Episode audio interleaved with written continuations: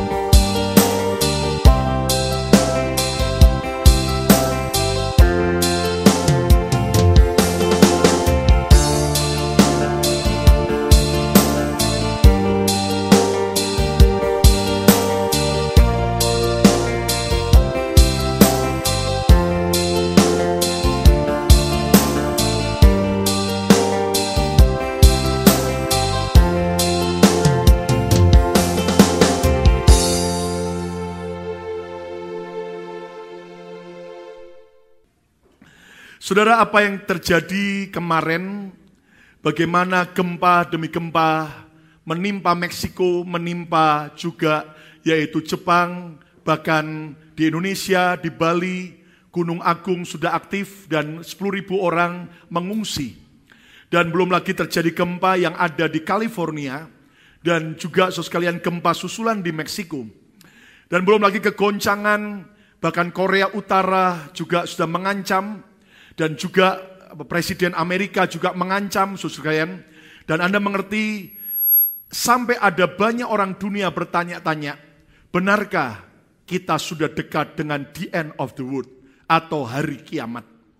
Saya ingat beberapa hari kemarin ketika saya perbaiki mobil dan waktu menunggu tiba-tiba ada uh, salah seorang montir bertanya pada saya, kamu tahu nggak apa yang uh, televisi katakan hari-hari ini? Saya berkata, saya nggak tahu. Lalu dia berkata, kamu tahu nggak bahwa tele, beberapa televisi berkata bahwa bisa-bisa satu kemarin adalah hari akhir daripada hidup dunia ini.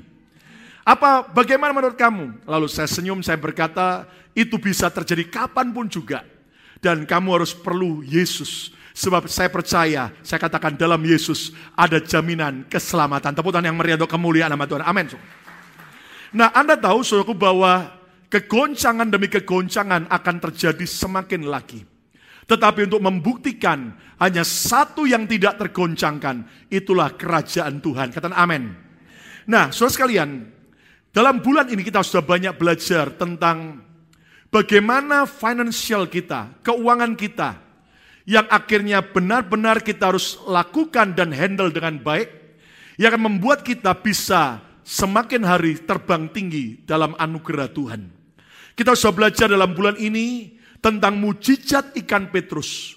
Percayalah saat hal mustahil dan tidak ada jalan keluar, tetap Tuhan bisa buat mujizat dalam soal keuangan kita. Katakan haleluya kita juga sudah belajar bagaimana beban bisa berubah menjadi berkat. Wanita janda daripada rombongan Nabi Elisa yang kena beban jerat hutang yang sangat parah. Akhirnya melalui mujizat Tuhan, justru akhirnya mereka bebas hutang, bahkan mereka hidup dalam kelimpahan. Minggu lalu kita sudah belajar orang kaya sukar masuk surga. Dan ini adalah sebuah statement yang Yesus sendiri ucapkan untuk memberi warning, peringatan buat kita orang-orang yang diberkati agar saat kita menjadi orang kaya tetap kita bisa masuk surga. Katakan haleluya. Nah, hari ini Yesus kalian, saya mau mengajak saudara kembali sebuah dasar hidup dalam kelimpahan yang benar-benar penting dalam hidup kita. Nah, Anda ingat bahwa salah satu yang Tuhan janjikan sebelum antikris menguasai dunia ini adalah kekayaan bangsa-bangsa akan dialirkan kepada orang benar.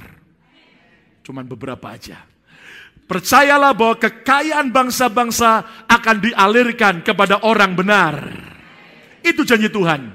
Tetapi jangan sampai kekayaan itu justru menghancurkan orang benar. Justru merusak hidup orang percaya. Nah, itu sebabnya kita akan belajar hari ini. Saudara sekalian, ingat soal kekayaan, soal finance, ini bukan sesuatu yang kita hindari dan tidak kita pelajari. Karena semua kita jujur pasti ingin diberkati, pasti mau hidup dalam kelimpahan. Dan ingat bahwa nanti, saudaraku, ya, pada waktu antikris berkuasa, maka salah satu alat yang dipakai oleh iblis dan antikris untuk membuat banyak orang ikut menyembah iblis dan menyembah antikris adalah apa? Itulah ekonomi atau kekayaan. Ingat dalam Wahyu 13 sudah dinubuatkan maka orang harus menerima cap atau lambang antikris triple six enam enam enam dan itu sebenarnya adalah wujud yang sudah jelas di depan mata sekarang.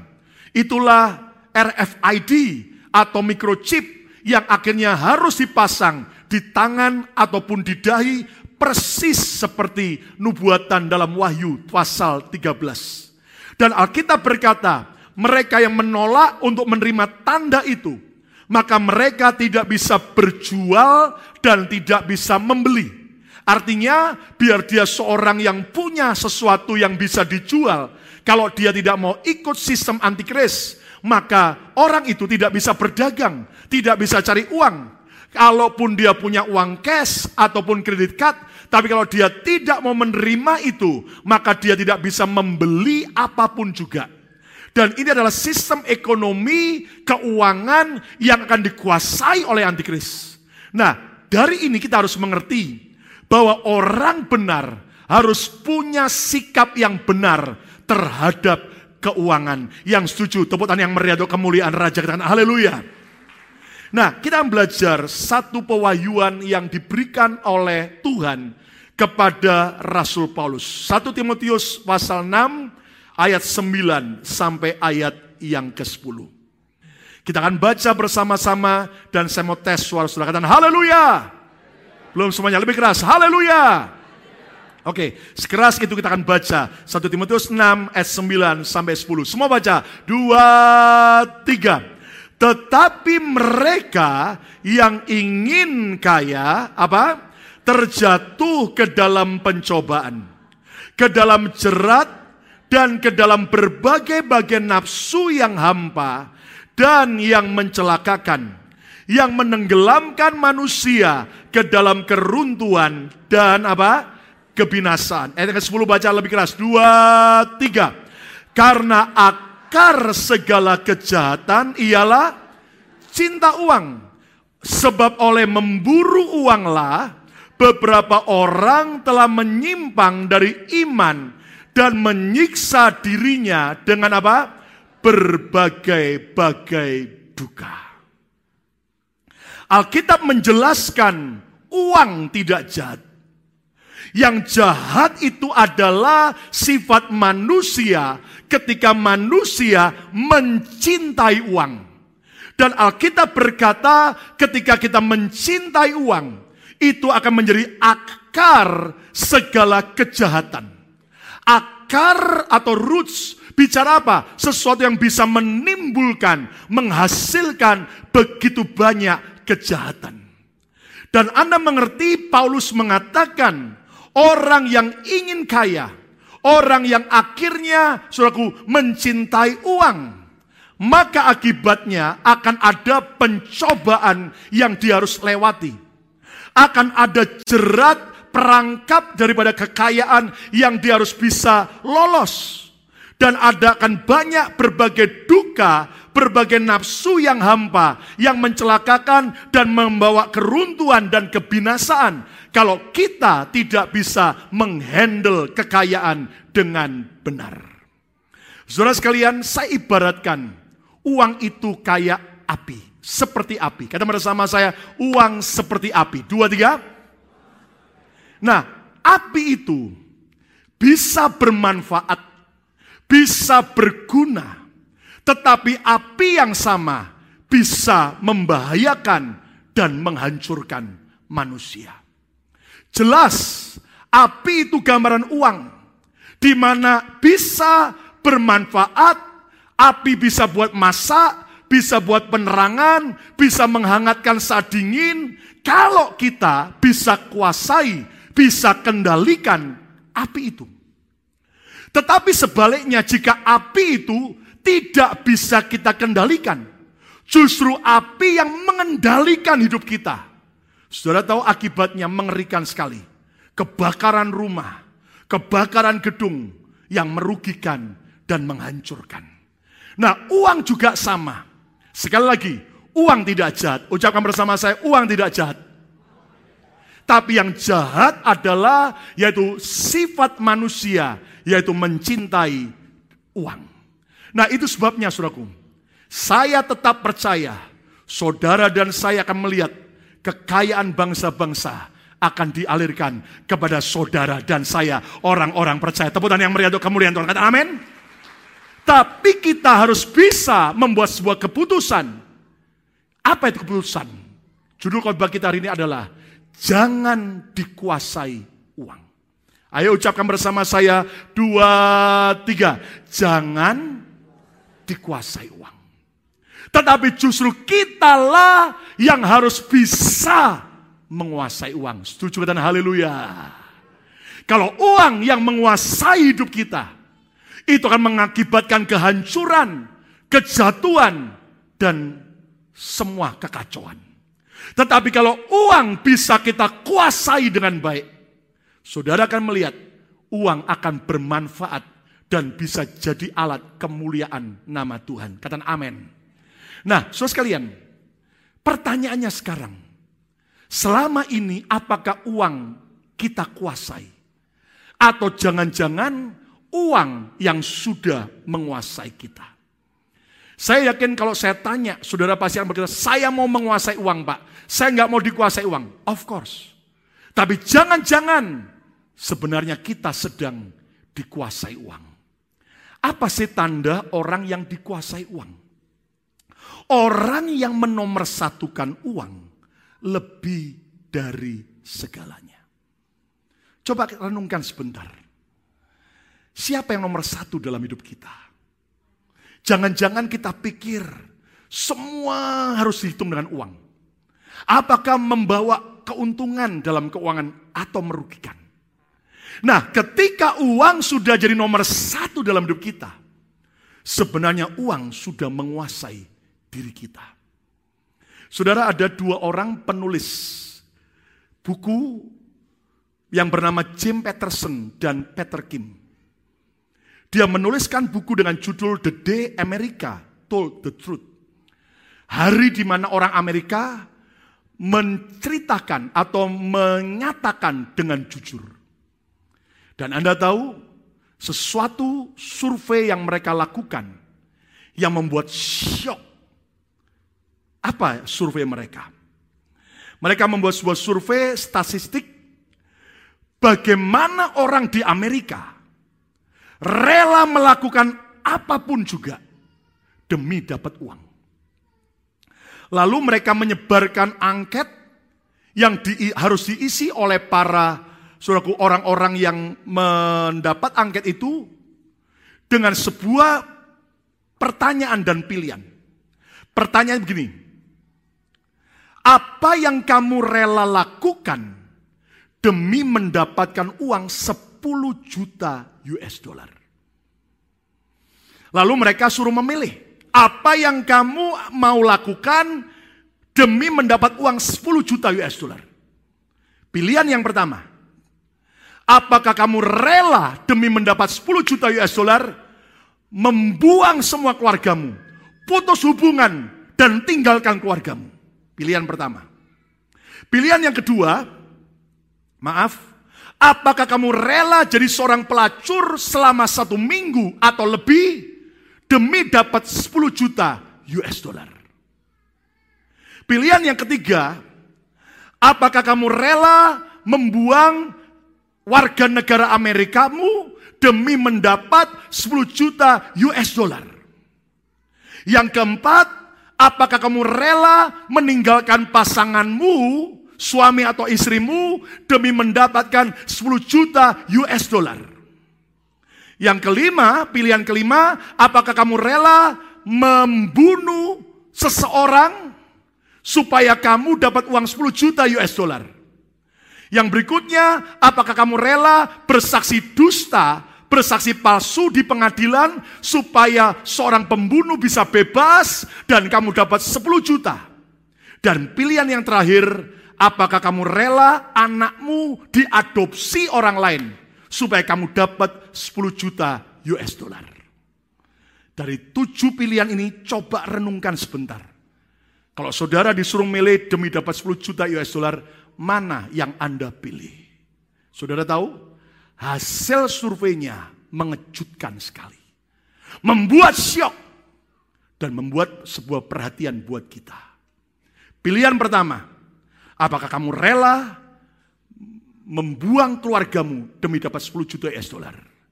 Ternyata pemilihnya 25 persen. Top pertama. Yang kedua, apakah kamu rela jadi seorang pelacur selama satu minggu atau lebih demi dapat 10 juta US dollar? 23 persen. Apakah kamu rela meninggalkan kewarganegaraan Amerika demi dapat 10 juta US dollar. Pemilihnya 16 persen. Apakah kamu rela meninggalkan pasanganmu, suamimu atau istrimu demi dapat 10 juta US dollar? Yang menyedihkan pemilihnya 16 persen. Berikutnya, apakah kamu rela bersaksi dusta di pengadilan supaya seorang pembunuh bebas? Pemilihnya 10 persen. Apa kamu rela membunuh orang demi dapat uang 10 juta US dollar? Pemilihnya 7 persen. Dan yang terakhir 3 persen. Apakah kamu rela anakmu diadopsi demi dapat 10 juta US dollar? Saudara, tidak ada yang memilih dari di luar pilihan itu. Membuktikan kalau orang sudah dikuasai uang, mengerikan sekali. Saya berdoa biar kita tidak dikuasai uang. Kita yang harus menguasai uang. Yang sujud teputan yang meriah untuk kemuliaan nama Tuhan.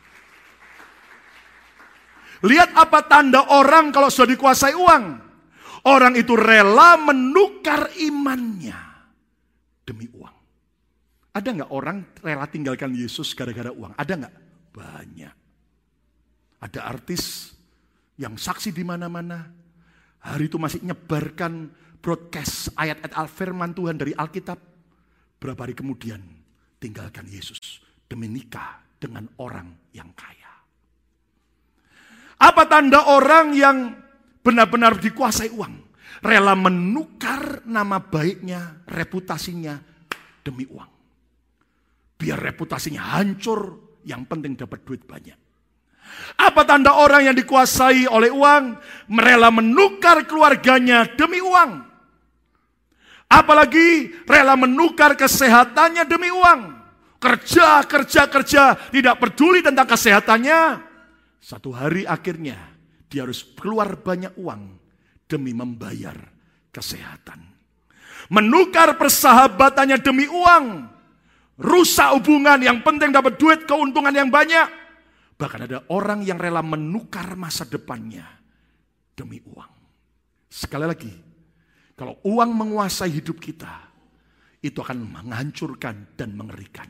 Saya berdoa biar semua kita mengambil keputusan kita yang harus menguasai uang. Tepukan yang meriah untuk kemuliaan nama. Siapa yang mau dikuasai uang, angkat tangan. Uh, jangan angkat tangan, saudara. Siapa mau menguasai uang, angkat tangan. Siapa mau menguasai uang, tepukan yang meriah untuk kemuliaan Tuhan. Haleluya. Nah, rahasia hidup menguasai uang itu bagaimana? Yang pertama, kita harus menetapkan prioritas hidup yang benar.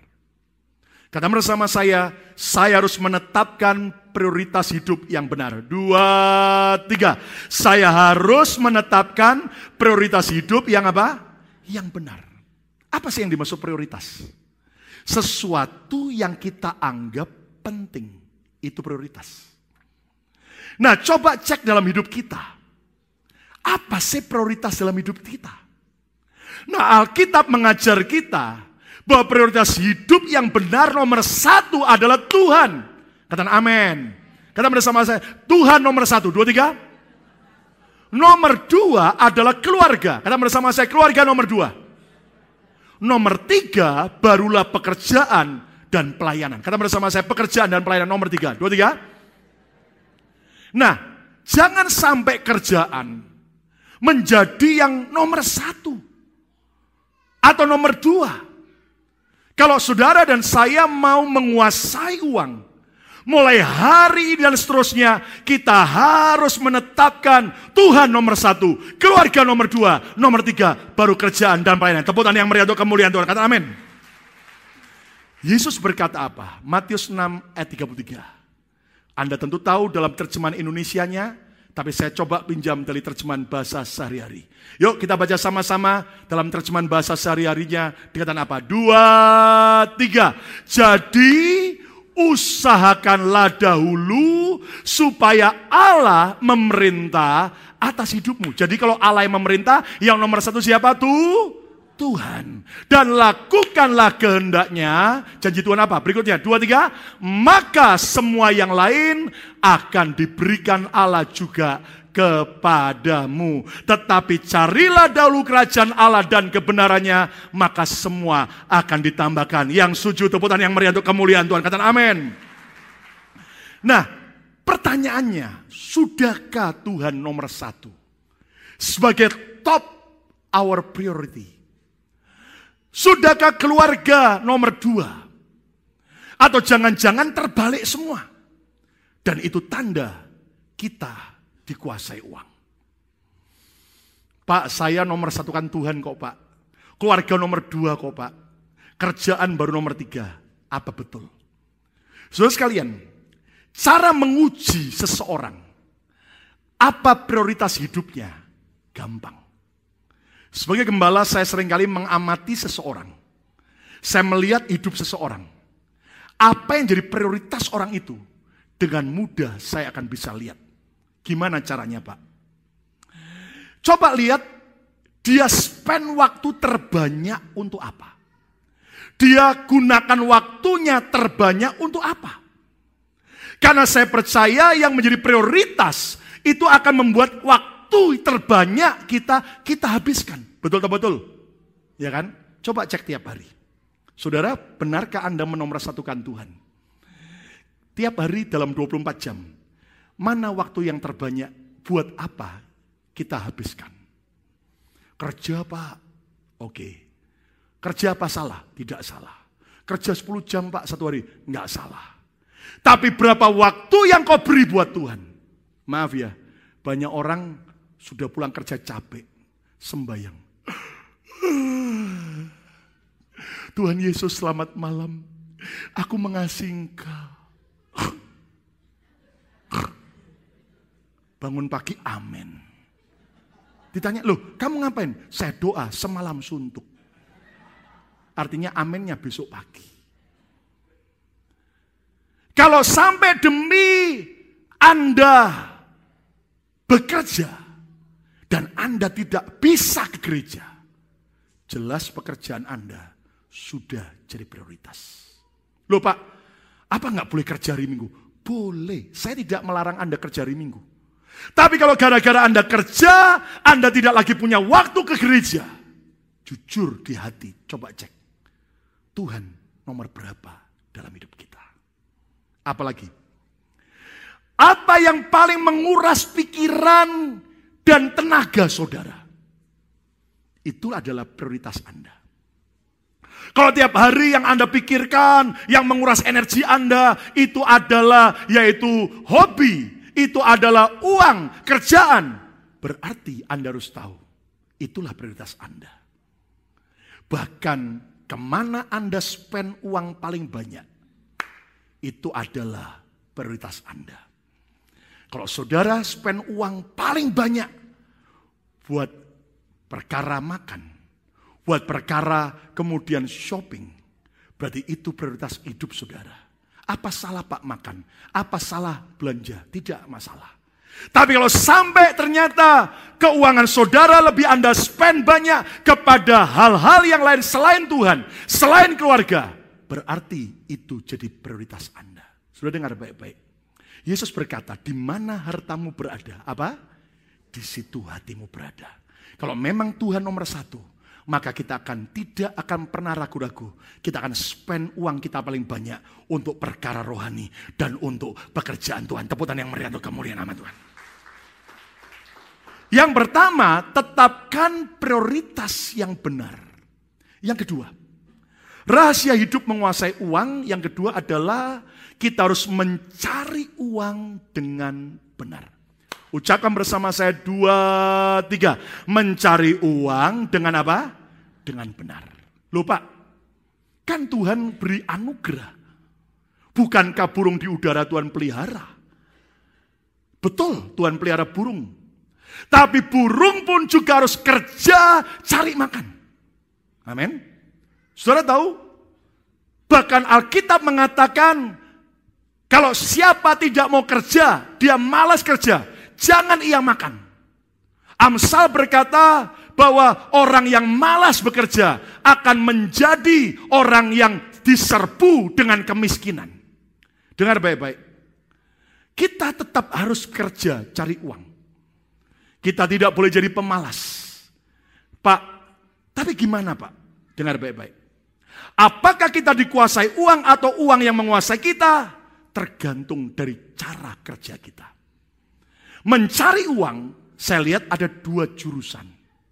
Yang pertama mencari uang dengan cara yang benar. Yang kedua mencari uang dengan cara yang salah. Kemarin isi saya cerita, dia baca berita. Saudara di New York City, di satu kawasan, ada kawasan orang Yahudi. Kalau Anda lewat di sana, Anda akan tahu banyak orang Jewish. Mereka dengan baju dan tampilan yang spesial. Yang yang jenggotnya ini panjang-panjang, topi spesial. Dan mereka adalah orang-orang yang kaya raya. Dan kalau Anda pergi ke daerah itu, jangan kaget, rumah-rumah mansion. Gede-gede. Wow, pokoknya. Mobil luar biasa. Tapi kemarin dalam berita, ada 13 orang Yahudi di New York akhirnya ditangkap dan masuk penjara sekarang. Loh, apa mereka teroris Pak? Oh jelas orang Yahudi tidak teroris. Oh apakah mereka terlibat kriminal? Kayaknya enggak. Tapi sebenarnya termasuk kriminal. Apa penyebab mereka ditangkap? Sudah tahu orang Yahudi. Itu kalau nikah, punya anak, enggak tanggung-tanggung saudaraku. 6, 8, 10, saya dengar Lydia mau mengejar target. Nyusul orang Yahudi. Jadi sambil main keyboard anak 10 di sini. Loh apa salah pak punya anak banyak? Enggak salah. Tapi Anda tahu, mereka punya anak banyak, bahkan beberapa tidak punya cuma cuma satu istri. Kalau Anda tahu kalau ketemu orang Yahudi lagi shopping, waduh, istrinya banyak, anaknya juga banyak. Dan Anda mengerti saudaraku, ternyata karena punya anak banyak jedanya uh, hanya mepet-mepet-mepet, beberapa itu cacat. Lalu saudaraku, mereka punya anak banyak supaya apa? Supaya bisa klaim pajaknya, tanggungan pemerintah, bahkan bantuan pemerintah sebanyak mungkin. Bahkan mereka kuras semua fasilitas pemerintah sebanyak mungkin. Sampai food stamp pun mereka ambil. Sampai uh, saudaraku semua bantuan-bantuan pemerintah mereka ambil. Padahal rumah mereka mewah-mewah dan mereka sangat kaya. Tapi pura-pura jadi orang miskin. Dan 13 orang hari ini di penjara. Kenapa? Karena jelas membuat pemerintah tahu niat mereka dan buktinya sangat tidak baik. Nah, apakah salah begitu Pak? Mencari uang kan Pak. Tapi caranya tidak benar. Nah, belajarlah kalau kita menguasai uang. Kita harus bisa cari uang. Tapi dengan cara yang benar. Setuju kata haleluya. Nah, cara mencari uang dengan benar itu bagaimana? Mengandalkan Tuhan sebagai sumber berkat. Kalau saudara jadikan Tuhan sebagai sumber berkat, Andalkan Tuhan sebagai sumber berkat. Itu cara cari uang yang benar. Setuju dan haleluya. Nah, tapi kalau Anda anggap bos Anda, pabrik Anda, toko Anda, kantor tempat Anda bekerja, bahkan usahamu sendiri itu adalah sumber income, sumber pendapatan. Hati-hati. Saudara berarti sudah memberhalakan semua itu. Tapi mari, bos, tempat kerja, usaha Anda, itu cumanlah alat Tuhan. Tetapi tetap jadikan Yesus sumber berkat kita. Tepukan yang meriah untuk kemuliaan nama Tuhan. Katakan haleluya. Pak bedanya apa? Tipis. Hatimu ini ngandalkan bosmu. Ngandalkan Amerika di mana kau berada atau tetap ngandalkan Tuhan. Dengar baik-baik. Kalau yang kau pikir tempat kerjaanmu adalah sumber penghasilanmu, saudara akan dapat berkat sesuai berapa jam Anda kerja. Tapi kalau saudara jadikan Tuhan sumber berkat, Tuhan bisa berkati dengan cara ajaib selain dari gaji Anda kerja tiap minggu. Tepuk yang meriah untuk kemuliaan nama Tuhan. Katakan amin. Bisa nggak Tuhan buat banyak cara memberkat kita? Tadi pagi saya ada amplop karena dari jemaat yang berkata, Pak, saya kerja di sebuah tempat sekian lama. Dan saya cuman hidup setiap minggu dari gaji saya kerja. Tapi waktu Pak Lukas ngajarin, jadikan Tuhan sumber berkat. Andalkan Tuhan. Dan kita orang benar akan menjara kekayaan bangsa-bangsa. Yang ajaib Pak, Satu hari bos saya panggil saya, dia bilang gini, aku harus beri kamu uang selain gajimu sekian besar. Dia kaget, berapa? More than 10,000 US dollar. Lebih dari 10 ribu US dollar. Loh itu apa? Uang apa? Karena kamu sudah kerja sekian tahun dan ada bagian pajak yang kamu harus terima. Dia pikir apa bisa? Dia minta identitas bosnya, diberi. Dan tadi pagi saya serahkan, masukkan ke dalam kantong, dia beri perpuluhan. Dan jelas dia berkata, Tuhan bisa berkati di luar dari gaji kita. Karena dia adalah sumber berkat kita. Yang percaya amin. Cara mencari uang dengan benar berikutnya adalah apa?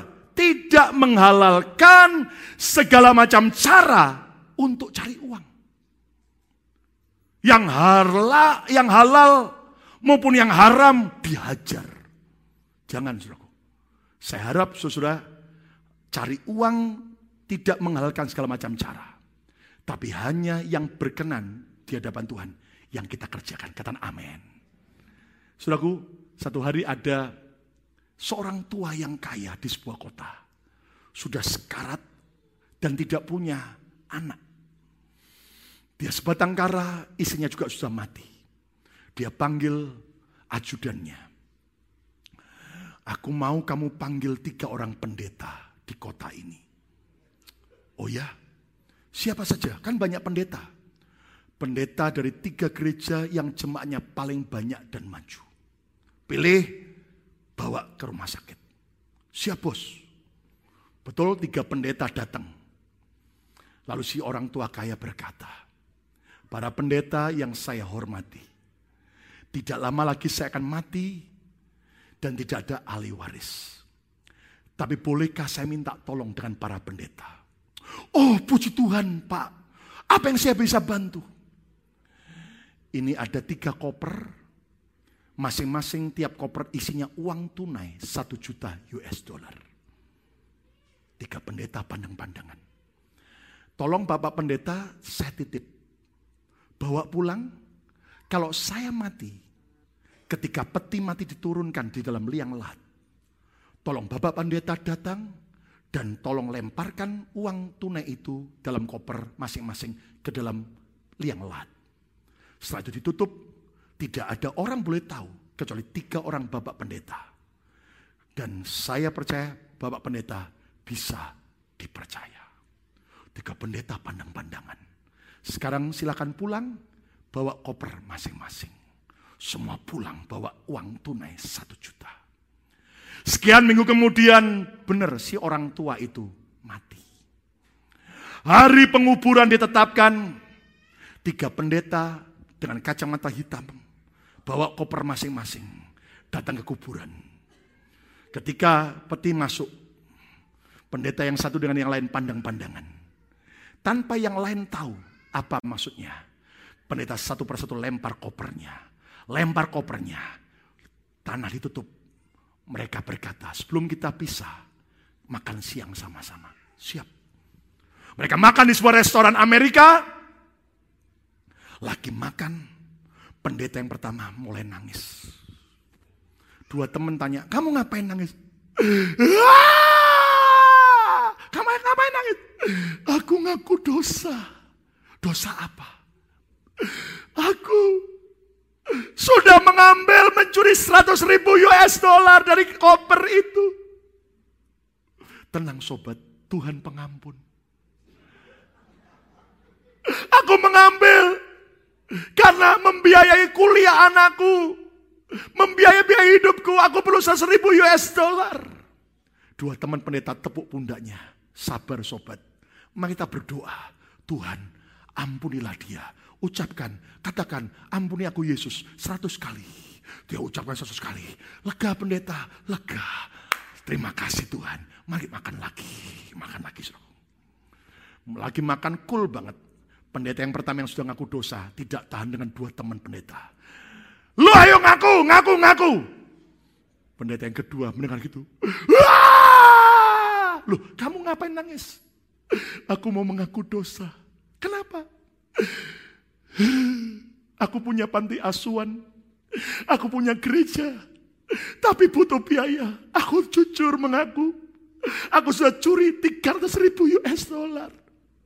Tolong teman-teman doakan saya. Pendeta yang kedua berkata, berkata tenang sobat. Bukan cuma doa pengampunan, doa pelepasan juga kita akan lakukan. Sampai didoakan muntah-muntah, wah, wah, wah. Sudah dosamu diampuni, tenang. Mari makan lagi sambil makan. Pendeta pertama dan kedua yang sudah ngaku dosa. Lihat teman yang ketiga, kul makan dengan tenang. Lama-lama penasaran. Ayo lu ngaku dosa. Lu juga pasti ngambil uang. Enggak. Yang benar lu pasti ngambil uang. Enggak. Yang benar. Enggak, aku nggak ngambil uang. Ayo jujur, Tuhan tahu lu. Aku nggak ngambil uang, aku nggak nyuri. Aku cuma tukar uang cash 1 juta US dollar dengan cek tunai. Agar dia ambil di sorga. Saudara, jangan halalkan segala macam cara untuk dapat uang. Apalagi, bekerja dengan rajin dan jujur. Saya harap semua kita rajin dan jujur dalam kerjaan. Katakan amin. Terus apa? Nah ini lebih dahsyat lagi. Meningkatkan dari bekerja bagi uang. Menjadikan uang yang bekerja bagi kita.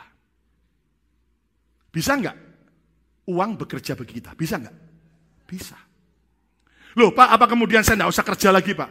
Anda tetap kerja, tetapi ketika ada Anda tabungan, Anda tidak sekedar endapkan uang Anda, tapi Anda mulai investasikan kepada sesuatu yang mendatangkan untung. Dan jelas jangan sampai Anda membabi buta dan tertipu dengan investasi yang salah. Tetapi kalau Anda investasi dengan benar, misalnya Anda tahu ini properti bakal naik, Anda beli. Anda tahu, oh usaha ini sahamnya bagus, Anda beli. Dan Anda akan mengerti. Anda bukan lagi kerja mencari uang. Tapi uang akan bekerja bagi saudara. Saya berkati setiap saudara, satu hari engkau tidak hanya bekerja cari uang, tapi uang bisa kerja untuk saudara. Tepuk yang meriah untuk kemuliaan. Amin. Amin. Yang pertama, tetapkan prioritas hidup dengan benar. Yang kedua, bekerja mencari uang dengan apa? Dengan benar. Yang ketiga yang terakhir. Rahasia hidup menguasai uang adalah menempatkan uang dengan benar. Kata bersama saya, saya harus menempatkan uang dengan benar. Dua, tiga. Saya harus menempatkan uang dengan apa? Dengan benar. Lihat, ini uang tergantung saya. Saya mau taruh di mana dalam hidup saya. Kalau uang saya taruh di atas kepala saya. Saya harap tidak jatuh. Saya mau tanya, Berarti yang jadi bos uang atau saya? Ditanya nggak jawab. Halo, jawab dong. Yang jadi bos uang atau saya? Uang. Pak Lukas lagi. Tapi kalau uang ini saya taruh di bagian bawah kaki saya. Saya di atas uang. Yang jadi bos uang atau saya? Nangkap saudara. Keputusan di tangan kita. Kalau saudara menempatkan posisi uang dengan benar, saudara menguasai uang. Tapi kalau uang Anda tempatkan di posisi yang salah, Anda dikuasai uang. Gimana cara menempatkan uang dengan benar? Posisikan uang sebagai hamba bukan sebagai bos. Kata bersama saya sebagai hamba. Dua, tiga. Sebagai hamba. Jangan jadi bos. Kalau uang jadi bos Anda, Anda diperbudak. Berikutnya, posisikan uang sebagai alat tools. Bukan sebagai Tuhan. Kata bersama saya, uang cuman alat. Dua, tiga. Uang cuman apa? Alat. Lihat Yesus berkata apa? Sebagai ayat terakhir. Lukas 16 ayat 13. Lukas 16 ayat 13. Yuk baca sama-sama. Semua katakan haleluya. Kurang keras haleluya. Ayo baca sama-sama. Dua, tiga. Seorang hamba tidak dapat mengabdi kepada dua tuan. Karena jika demikian, ia akan membenci yang seorang dan mengasihi yang lain. Atau ia akan setia kepada yang seorang dan tidak mengindahkan yang lain. Terus Yesus berkata apa? Kamu tidak dapat mengabdi kepada Allah dan kepada Mamon. Mamon adalah dewa uang Yunani. Artinya saudara dan saya harus memilih yang jadi bos uang atau Yesus. Nah, jangan sampai uang itu jadi berhala, jadi Tuhan. Itu berarti hidup kita dikuasai uang. Berikutnya, cara menempatkan uang dengan benar. Rela kehilangan uang daripada kehilangan Tuhan. Tidak ada yang amin.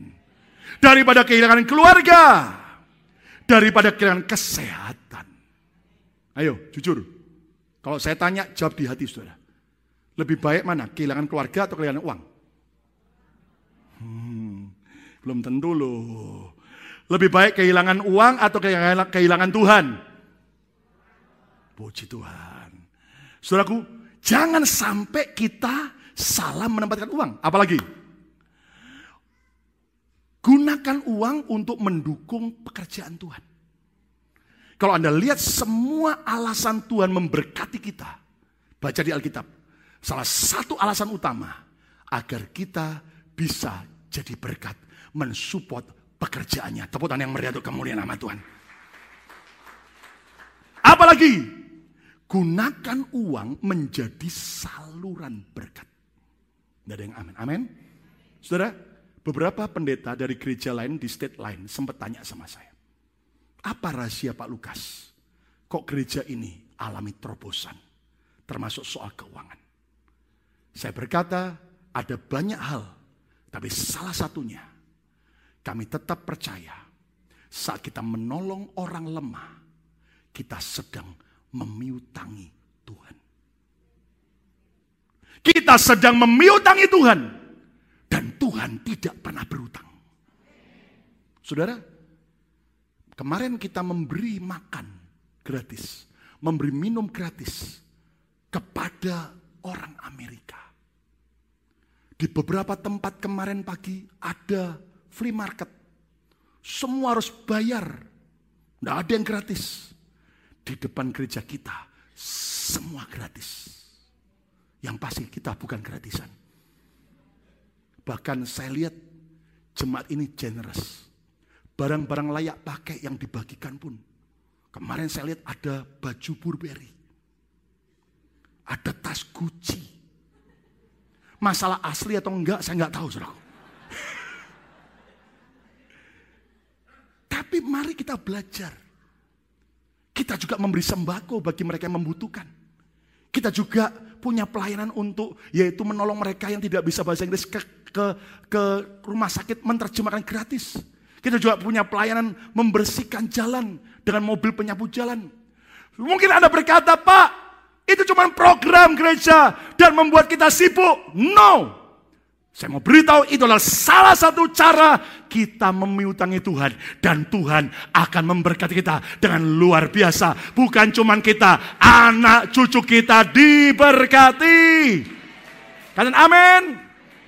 Nah yang berikutnya yang terakhir, ini pasti menyenangkan. Gimana cara menempatkan uang dengan baik? Bisa mencari uang, tetapi juga bisa menikmati uang. Kok diam semua? Bisa mencari uang, tapi juga bisa apa? Nikmati uang. Uang harus bisa dicari, bisa ditabur, tapi juga bisa apa? Dinikmati. Satu hari ada suami istri, Ko Acong dan C. Mecen. Acong dan Mecen menikah. Sejak muda mereka kerja keras. Hemat. Karena terlalu hematnya Mecen dan Acong sudah punya tabungan satu setengah miliar rupiah. Mereka terus berhemat-hemat sampai karena terlalu hematnya. Mecen satu tahun beli baju cuma dua kali. Waktu Natal dan Imlek. Selebihnya semua baju yang lama. Bahkan karena terlalu hemat mereka tidak pernah vacation. Buru-buru ke luar negeri. Buru-buru ke Singapura. Keluar kota aja liburan. Tidak pernah. Mereka super hemat. Dan satu hari mereka mencapai tabungan 5 miliar rupiah. Ternyata mendadak satu hari Mechen kena serangan jantung. Mati. Koko Acong dengan tabungan 5 miliar. Duda kaya merasa kesepian. Akhirnya menikah dengan salah seorang pegawainya bernama Siti. Setelah menikah, Koko Acong nikah dengan Siti. Maka mereka liburan ke Eropa. Mereka belanja. Mereka juga makan di restoran yang bagus. Dan Siti berkata kepada Koko Acong. Koko, dulu saya pikir Siti kerja buat Mecen. Ternyata saya baru sadar Mecen kerja buat Siti. Jangan sampai Anda bisa cari uang, tapi nggak bisa nikmati uang. Saya sebagai gembala punya keseimbangan. Saya ajar saudara, nggak cuman wajah surga terus. Tiap hari datanglah kerajaanmu Tuhan. Segera datanglah Tuhan Yesus. Tapi mari kalau Anda bisa kerja, nikmati juga. Sekali-sekali makan ke Chinatown.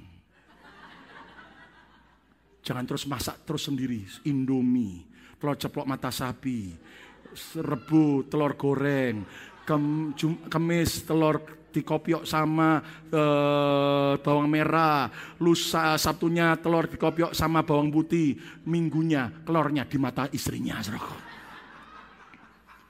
No, no, no, no, no, no. Nikmati, tapi tetap tidak boleh langgar firman. Ada seorang suami yang kaya, datang ke mall, datang ke bagian parfum wanita. Sales girl-nya langsung tanya, Bos, mau cari apa bos? Saya mau cari hadiah buat istri saya. Oh iya bos, kenapa? Karena kan mendekati Valentine. Oh iya, bos mau cari apa? Tolong carikan parfum minyak wangi yang paling harum, yang paling ngetren dan paling ngetop yang lagi disukai banyak orang. Beres bos. Si sales girl-nya ambil satu merek. Coba bos. Gimana bos? Wah wangi. Gimana? Wah ini terkenal nggak? Oh terkenal bos. Ini penjualan tingkat nomor satu bos sekarang bos. Orang cari ini terus. Good.